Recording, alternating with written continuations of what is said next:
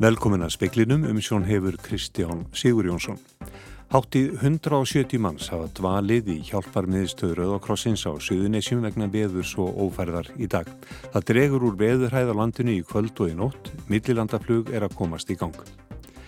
Pútín Rúslandsfórsiti fer yfir hernaðar áallanir rúsa í Ukrænu með háttsettum herfóringum á morgun.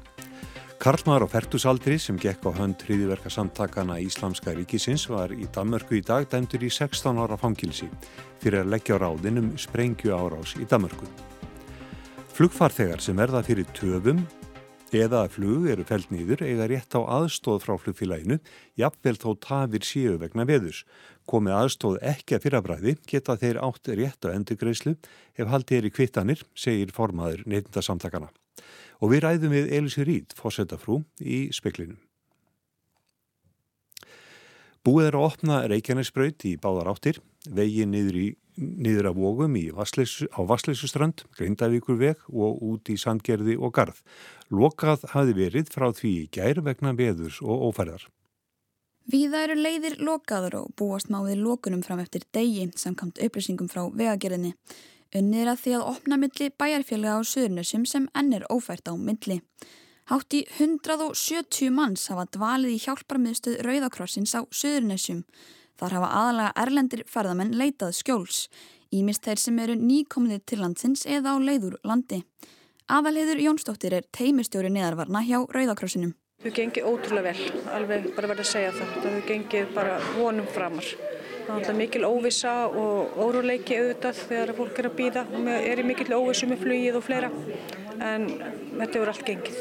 Fólki hefur bara sínt alveg ótrúlegt jafnaði geð. Það er náttúrulega gerir grein fyrir að þetta er lítið hægt að ráða við, við veðrið en, en auðvitað er þetta krefjandi byggð.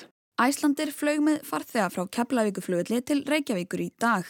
Vélinn fór tvær ferðir og voru hátt í 400 farþegar ferjar á milli staða. Flestir komi í morgun til Keflavíkur frá bandaríkunum en einhverjur höfðu þó verið fastir á Keflavíkuflugulli í lengri tíma. Ástís Ír Péturstóttir, upplýsingafulltrúi Æslandir, segir í samtali við fréttastofi að ferðinar hafi einni verið notaðar til þess að ferja áhöfn til Keflavíkur til þess að manna vélar fyrir flug síðdeis og í kvöld. Þá hefur einnig hátt í 2 tonn af mat verið ferjið á milli. 17 brottferðir eru áætlaðar segnipartinn og í kvöld og að sögn ástísar eru nokkrar velar annarkort farnar eða við það að fara í loftið. Hún segir að vel hefði gengið að koma velanum af stað miða við aðstæður. Rebecca Líf Ingadóttir tók saman. Björgunarsveiti landsins hafa staði í ströngu undan farna sólaringa. Jón Þór Víglundsson er uppsingafulltrúi landsbjörgar. Jón Þór er farið að hægjast um hjá okkur. Já, það er nú svona fjara undan þessu langa verkefni núna þegar að komið þetta fram á þennan þriðu dag en við höfum verið að síðan á förstaskvöld. Og ja, hann var verið eitthvað verkefni í dag? Já, já, það hafa verið einhver verkefni eh, og þá sérstaklega á Suðunisjónum. Það var aðstæðu aðstæð, þannig voru þar að, að skóf fljótt í þó að það væri rött og, og, og semstaðar það var mjög staðbundið en, en slangt þar sem það var en það var þó nokkuð en svo virðist það var hlýna aðeins eftir sem leð á daginn og þá hætti að skafa jafn mikið og gerði. Má segja að eh, flest allir björgunar sveita menn hafi verið ræstir út eh, þessa daga, þessa solraringa? Nei, við eigum nú talsest upp á það. Mér sýnist að á fljótu yfirbræði þannig að það verða að telja upp úr kossunum og, og fara yfir þetta en það eru eitthvað yfir 600 mann sem að komu að þessari aðgerð frá því á, á förstaskvöld eitt yfir 130 bílar og tæki frá um 50 sveitum. En það eru tæplega 5.000 á útkallskrá á landinu öllu og þetta er á landinu öllu sem ég var að tellja upp. Yfir 1000 verkefni skráð sem að er ennþá verið að, að reynskrifa en þar eh, má náttúrulega minna á að Grindavíku vegur þar sem að yfir 1200 mann sem var komið til bjargar er raun og veru bara eitt verkefni þar í og það sama má segja um mikið af því sem það var í gangi á, á, í Reykjanesbæ og, og Söðunisabæ í dag að e, þó að sveit eða hópur hafi verið sendur í verkefni þá raun og veru örðu verkefni til á leiðinni því að það voru fastu bílar á leiðinni í þetta skráða verkefni sem að var kipt upp og, og losa þessu. Takk að fyrir þetta Jón Þór Vílundsson hjá Landsbjörgum. Birta Líf Kristinsdóttir veðurfræðingur, hvernig er veður útlitið á landinu næsta sólurhengin? Eftir svona kvassar gærdag og daginn í dag þá er að draga úr vindinu núna í kvöld og nótt og alla viðverðan er að renna út núna sent í nótt eða snemma í fyrramálið. Á morgun það verður kvast fyrir hlutadagsins en dregur svona hægt og rólega úr vindinum. Þetta er norðaustanátt. Fylgir inn ykkur úrkoma? Já, þetta er eh, já, norðaustanátt og það eru jæljagangur fyrir norðan og austan. Það er búið að vera hríðar veður eh, á þeim slóðum og á suðvestanverðu landinu þá hefur fyllt þessi skafrinníkur eftir snjókomu helgarinnar þannig að það hefur valdið vandræðum líka og það er að snjón reyfi áfram fram þetta degi á morgun. Þetta er smá svona að ganga nýður. Sér þið eitthvað fram á jólaháttíðina? Það eru einhver stórkastlega breytingar eftir morgundaginn. Það eru norðlegar áttir og jælegangur svona fyrir norðan og austan og ef maður fer nánar út í aðfangadaginn sjálfan. Það er svolítið óstöðuðar spotnar en það er útlitt fyrir jafnvel að verði snjókoma í flestum landslutum en ekki drosalega mikil vindur. Þannig að það gæti verið vera. Takk fyrir þetta, Birta Líf. Vladimir Putin, rúslandsfósiti, ætlar að hitta háttsetta herfóringi á miðugudaginn og fara yfir hernaðar áætlun Rúslands í Ukrænu fyrir komandi mánuð. Rússar íhuga næstu skref í stríðsrækstri ríkisins í Úkrænu sem staðið hefur í um tíu mánuði. Ólík sjónarmið eru sagð um það innan Rúslandsstjórnar hvort herða í árásir á Úkrænu yfir hörðustu vetramánuðina. Þá komið það til greina að rúsa reyni aftur að sölsa undir sig Kíf, höfuborg Úkrænu, en það mistókst við upphaf stríðsins. Úkrænumenn hafa haft betur á výgvellinum sjálfum undanfarið og nátt tilbaka borgum sem rúsar höfðu áður hernumið. Pútín hefur bóðað hæst settu stjórnarmenn hersins á sinn fund þar sem þeim er ætlað að kynna honum ólíkar skamtíma og langtíma áætlanir vegna innrásarinnar í Úkrænu. Þau sjónarmið sem til að mynda bandaríkjastjórn vil meina að takist á innan Rúslands eru þeir sem eru hlindir því að rússar gefi í í árásum sínum og ráðist á Úkrænu að fullum þunga og svo þeir sem hafa einfallega áhyggjur af því að hér rússa sé ekki í stakk búin fyrir stigmögnuð átök. Bandaríkjaman segist fylgjast grann með stöðunni og aðlaga sig að breyttum aðstæðum ef svo ber undir. Þá sé forgangsmála úkrænumenn hafi það sem þeir þurfi til að verjast árásum rúsa með árangusríkum hætti. Úkrænskir herfóringjar hafa varað við því að rússar undibúi nú vetrar árás sem verði leist úr læðingi um leið og jörð frís í landinu. Undanfarið hafa rússar þjarmað mjög að úkrænumönnum með því að gera langdrægar árásir á orku innviði sem setur þjóðina í viðkvæma stöðu.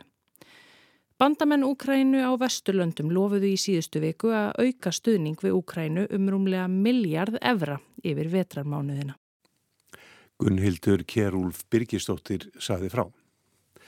Karlmaður á færtusaldri sem gekk á höndriðiverka samtakana Íslamska ríkisins var í Danmörku í dag dæmdur í 16 ára fangilsi fyrir að leggja ráðinn um sprengju árás í Danmörku. Þetta er þingsti dómur til þessa fyrir hriðiverk í Danmörku. Maðurinn heitir Ali Al-Masri og fættist í Sýrlandi. Hann var dæmdur segur um tilraun til hriðiverka og fyrir að fjármagna og hvetja til hriðiverka. Hann var handekinn í februari fyrra í sameinlegri lauruglaða gerð Þískalands og Damerkur. Saksóknari saði fyrir dómi að ákjæruvaldið væri sannfært um að komið hefði verið í veg fyrir árás með handtökum Masri, eiginkona hans og bróður. Masri lýsir yfir sagleysi sínu og segir að 12 kíló efni sem fannst í íbúð hans hefðir ætlað til flugelda síningar.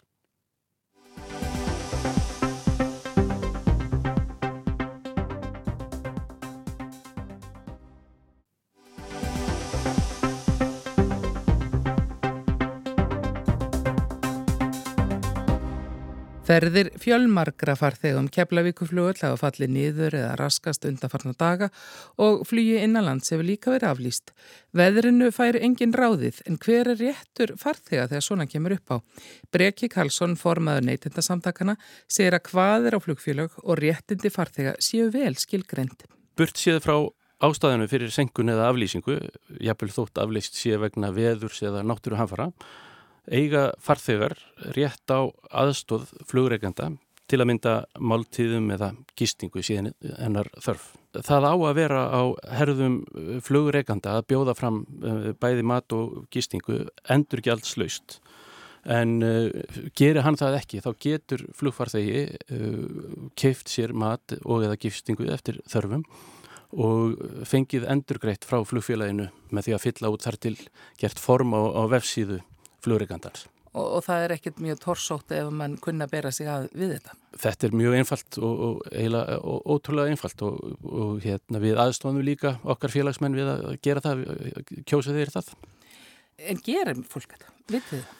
Já, ég, ég held það að við allavega hvetju við til þess að, að allir nýti sér rétt sinn Eh, þetta er, eh, eru réttindi flugfarþega sem er, hefur verið sóttur og, og ef að fólk nýtir hann ekki þá fellur hann niður og við höfum í þessu skeini sett uh, á vefin okkar ns.is gástrygg flug allar upplýsingar um það hvernig er á einfaldan hátt hægt að sækja sér þennan rétt.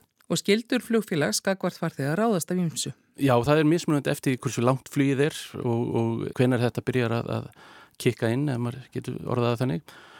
Allar upplýsingar um það er að finna á, á uh, vefnum okkar ns.is flug þar sem þú getur slegið inn uh, já, hvaðan þú ert að fljúa, hvað kom fyrir og, og svo frammeins og fengið þá upplýsingar um uh, allan þinn, þinn rétt. Ef flugu fælt nýður eða fresta úr hófi getur fólk líka krafist endurgreyslu? Það kannski eh, á ekki við um alla ferða til hugunina, ekki kannski ef þú hefur búin að, að pantaðir flug eða, nei, pantaðir bíl eða, eða hótelgistingu einhver staðar og ekki í, í gegnum sama aðila þá gæti eh, verið þannig að, að þú eigir ekki rétt á endurgjóðslega á því en í sömum tilvellum ég eppil þá, þá gæti trygging, heimlistrygging eða, eða kortatrygging náð yfir slíkt. Og þarna eiga aðra reglu við ef fólk kaupir pakkaferð á ferðarskristofu? Þar er ríkari, mun ríkari réttur til endurgjóðslu en í tilveki flugfarþega sem eiga kannski bókuð önnur flug þá þá er ekki víst að uh, það, þessi réttur ná yfir nema það sé pantaði gegnum sama flugfélag þá gætir þau átt og átt þá rétt á því að, að, flugreikandi komið þér á áfangastadin sem þú kiftir af húnum. En fáið mörg erindi sem tengjast flugi og ferðalög? Já, við gerum það og alltaf þegar eitthvað kemur upp á eins og, eins og núna þessa dagana þegar veðrið er að setja verulegt striki í reikningin eins þegar að, að koronaviru faraldurinn geysaði sem, sem sem mest og þá erum við að fá svona ja, fyrirsputnir og, og, og mál og beðinir um, um aðstóð og við uh, veitum þær og bendum líka fólki á að fara inn á vefinn því að þar eru allar upplýsingar sem hættir að finna. Og fólk, þetta er nú kannski stundum svolítið flókið að metta þetta, að fólk veit ekki alveg hver réttur þessi er og, og áttar sig ekki alltaf alveg á því þið eru með svona nokkuð einfalda leið til þess að minnskusti hjálpa til við það. Já, við erum með svo kallan flugreikni þar sem þú getur slegið inn uh, áfangastað og brottfarastað og uh, hvað kom fyrir og, og uh, hvort það er senkun og hversu lengi eða aflýst og svo framvegs og uh, hann byrtir þessi reiknir allar, allan þann rétt sem þú átt mm, frá uh, flugreikandunum. Ferðalög í kringum jól er jáfnvel tengdari tilfinningum en önnur ferðalög og fólk enn svektar að það eitthvað bjátar á finnst ekki alltaf auðvelt að fá upplýsingar frá flugfélagunum og við það kannast breki. En það búið að marka þetta nokkuð nákvæmlega miða við tafir og lengt ferðalags til dæmis. Európa-reglugjörð sem við erum uh, búin að innlega hér á Íslandi og, og hefur bara mikla, við höfum mikla reynslu og góða af, af því sem margar er þetta mjög vel hvaða rétt við eigum og, og þetta likur alveg skýrt fyrir en ef að eh, fólk velkist í vafa þá er, eh, geta allir haft samband við neytendasamtökin og, og við greiðum úr þeim flækjum sem, sem við getum. Sagði Breki Karlsson, Anna Kristín Jónsdóttir talaði við hann. Rannsóknar nefnd fulltrúa deildar bandaríkjathings 7. janúar nefndin svo nefnda mælti í gær með því við dómsmálaráðunni til landsins að það gefi út fjórar ákærur á hendur Donald Trump fyrirvenandi fórsetta fyrir saknæmt aðtæfi í eftirmálum fórsettakostningana í november 2020. Nefndarmenn voru einhuga í afstöðu sinni. Ms. Cheney. Aye. Ms. Lofgren. Aye. Mr. Schiff. Aye. Mr. Aguilar. Aye. Mrs. Murphy. Aye. Mr. Raskin? Aye. Mrs. Luria? Aye. Mr. Kinzinger? Kinzinger, aye. Svo fór að allt nefndarfólkið, sjö þingmenn, demokrata og tveir republikanar greittu því atkvæði að vísa málinu til dómsmálaráðunettisins. Þetta er í fyrsta sinn sem bandaríkja þing leggur til að ákæra sitjandi eða fyrirverandi fórsetta. Hann er meðal annars sakaður um að hafa logið að alríkistjórninni, svik gegn þjóðinni og hvart til uppreysnar. Að mati nefndarinnar er þið síðast nefnda eitt þið alvarlegasta sem uppkom við rannsóknina, stríðir gegn stjórnarskráni og er þess valdandi að uppreysnarsækurinn fær aldrei að gegna opimböru ennbætti framar. It is a grave federal offense anchored in the Constitution itself which uses participation in insurrection by office holders as automatic grounds for disqualification from ever holding public office again. Rannsókn á árásinni á þinghúsið og þætti Donalds Trumps í henni tók eitt og hálft ár. Síðasti fundur nefndarinnar var í gær. Þar kom fram að hann reyndi að koma í veg fyrir að Joe Biden tæki við fórseta ennbættinu. Varaformaðurinn, Liz Cheney, sagði að þáttur hans væri hafinn yfir vafa. Þetta sagðun að væri í fyrsta sinni sögunni sem sitjandi fórseti reyndi að koma í veg fyrir valdaskiptinn. Einnig sáðu nefndar menn að það hefði ekki gert fyrirvaralaust að Donald Trump viðfengdi úrslitt fórsetakostningana að kveldi kostningadagsins. Það hafa hann gert af yfirlögður á því. Ex-President Trump's decision to declare victory falsely on election night wasn't a spontaneous decision. It was premeditated. Framkom við yfirheyslur í nefndinni að Trump þrýsti öttulega á dómsmálaráðunettið og stjórnvöld í einstökum ríkjum að ógilda úrslitinn. Svæsnasata dæmið er frá öðrum janúar í fyrra þegar hann ringdi í Brater Raffensberger innanrikisráð þeirra Georgiu og krafðist þess að hann fyndi 11.700 atkvæði til að hann yrði lístur sigurvegar í ríkinu. What are we going to do here folks? I only need 11,000 votes. Fellas, I need 11,000 votes. Give me a break. Donald Trump hefur að sjálfsögðu vísað niðurstöðum rannsóknar nefndarinnar á bug. Hún sé af pólitískum rótum runnin. Hann nefndi þó ekki að þessu sinni að hann væri fornarlamb mestu nortnaveiða í sögu bandaríkjana.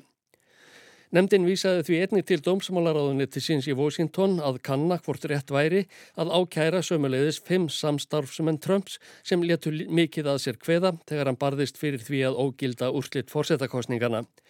Þeirra á meðal eru Mark Meadows sem þá var yfirmaður starfsliðs kvítahúsins og Rudolf Giuliani, fyrirverandi borgarstjóri í New York sem var einn af lögumönnum Trumps. Ásker Tómasson saði frá.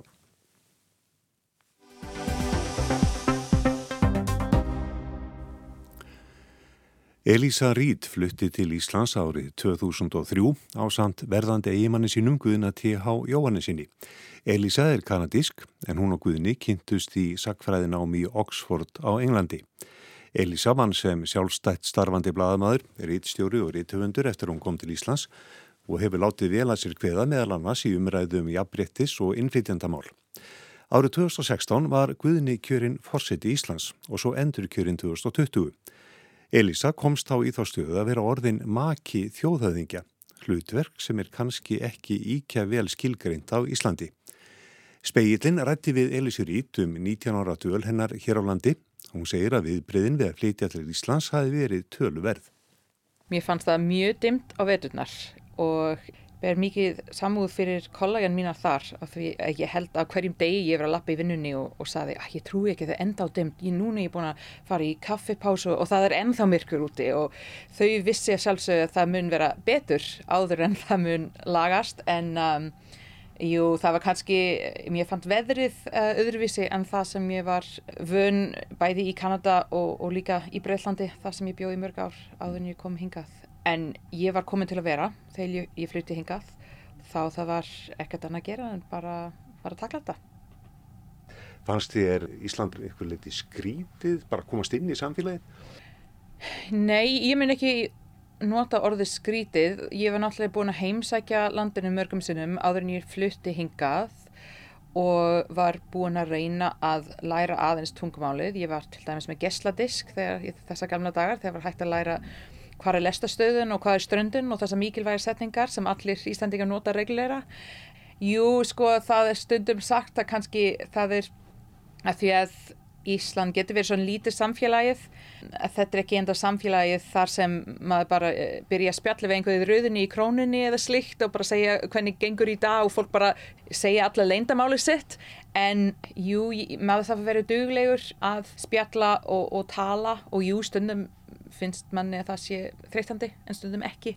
En þú veist, öll samfélög eru einstök og með kostur og galla ef maður getur sagt það. Mm. þá það var líka fyrst í fyrsta skipti sem ég fór lappandi í miðbænum með Guðuna og við kynntumst einhvað sem ég þekkti og hann þekkti ekki. Og þá bara, jú, núna er ég komin til að vera. Veist að því að það var einhvað sem hann þekkti ekki og, og þetta fannst mér bara uh, merkilegt. Eftir þessi 19 ár, 19-20 ár finnst þér Íslands samfélag hafa brist?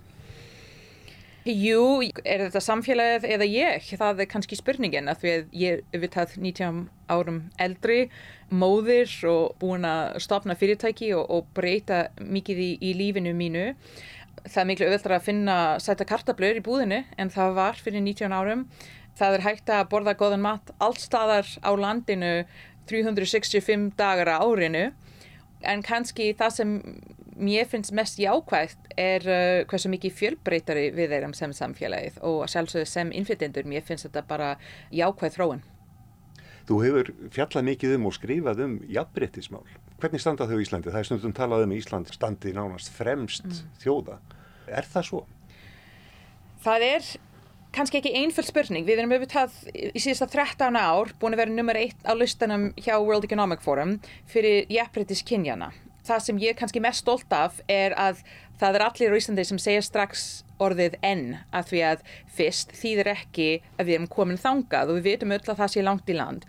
Ég mun kannski líka bæta við að því að þú spurði mér um jafnbreytti eitt sem við getum kannski læra meira er að jafnbreytti er ekki berið jafnbreytti kynjana. Það er alls konar jafnbreytti sem vinnur saman og við þurfum að vera mjög meðvitund um það. Ég held til dæmis að einhver er að stopna uh, einhverja panel í rástefnu við munum aldrei aftur skipulækja fimm karlmenn og engar konur. Eða ef það var gert, það var mjög mikið gaggrínt, en erum við að skoða hvort það sé fjölbreytni í önnu leið, eru kynsegin fólk, eru fólk með föllun, eru fólk með öðruvísi húðlitur, það er líka hlutir sem við þurfum að skoða En varðandi jafnbryttis kynjana finnst mér að við erum, jú, langt í land, mér finnst það mjög gott að sem samfélagið og ég hef oft sagt þetta í, í ellendri viðtölun, ég held að munurinn er að sem samfélagið við höfum farið yfir þann punktur að, að ræða saman hvort þetta sé gott markmið að reyna að ná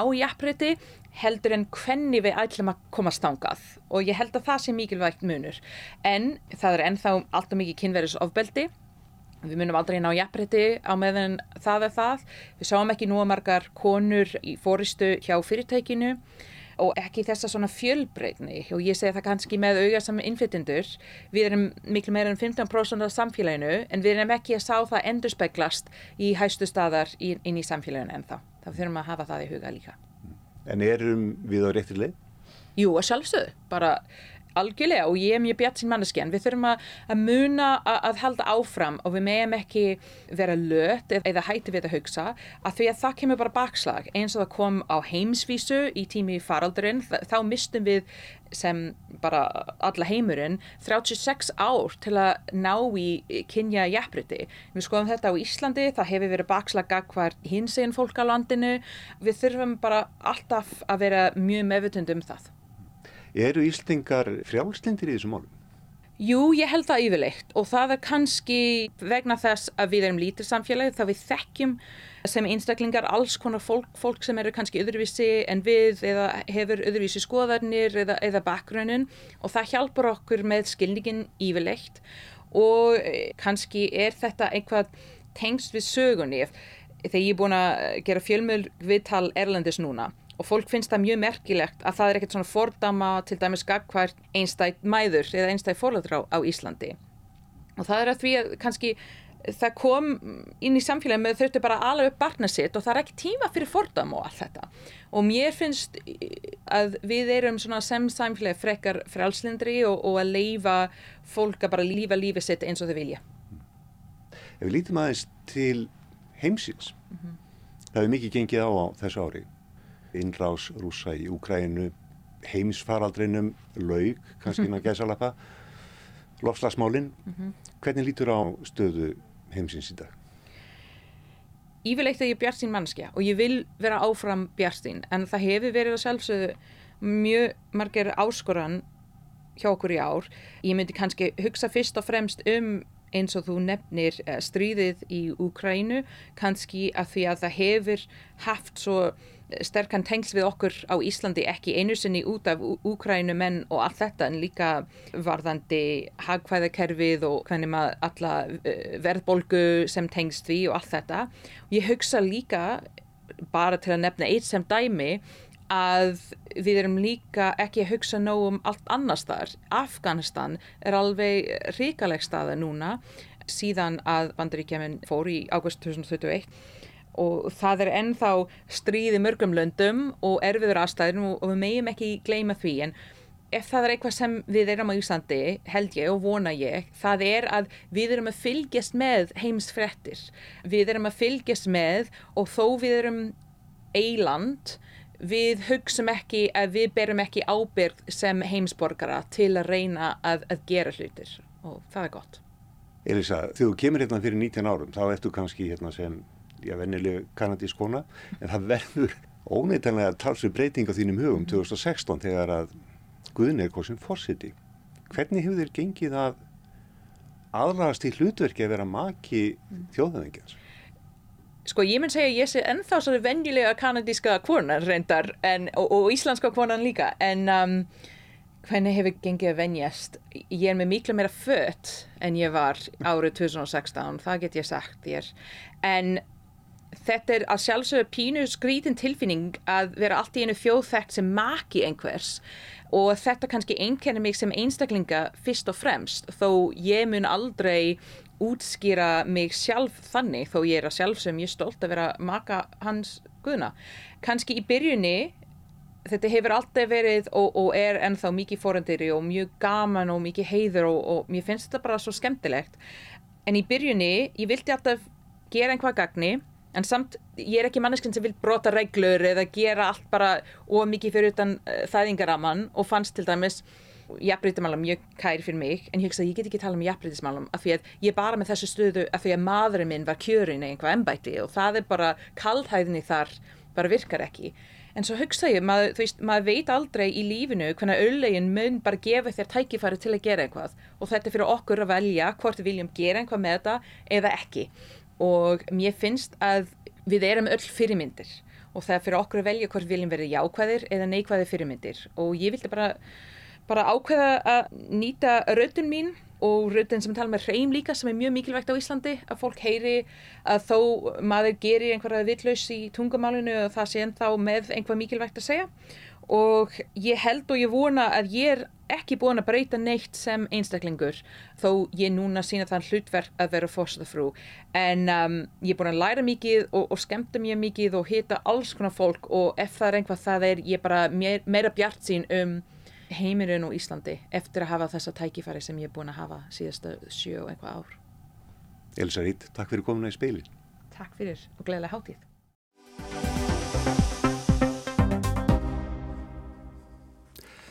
Það er gul veðurviðvörun í öllum landslutum. Veðurstofan spáir norðaustan 15 til 25 metrum á sekundi í kvöld, kvassast á Suðausturlandi. Jæljagangur norðan og austanlands en annars yfirleitt þurrt en allvíða skafrenningur.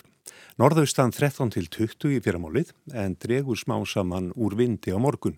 Áfram jél á norður Östurlandi en léttir til sunnan heiða. Frost verður á pilinu 0 til 7 stig.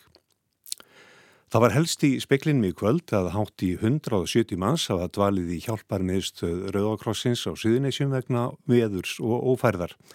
Það dregur úr veðurhæð á landinu í kvöld og í nótt. Millilandaflug er að komast í gang. Pútín, rúslandsfósiti, fer yfir hernaðar áallanir rúsa í Ukrænu með hátsettum herfóringjum á morgun.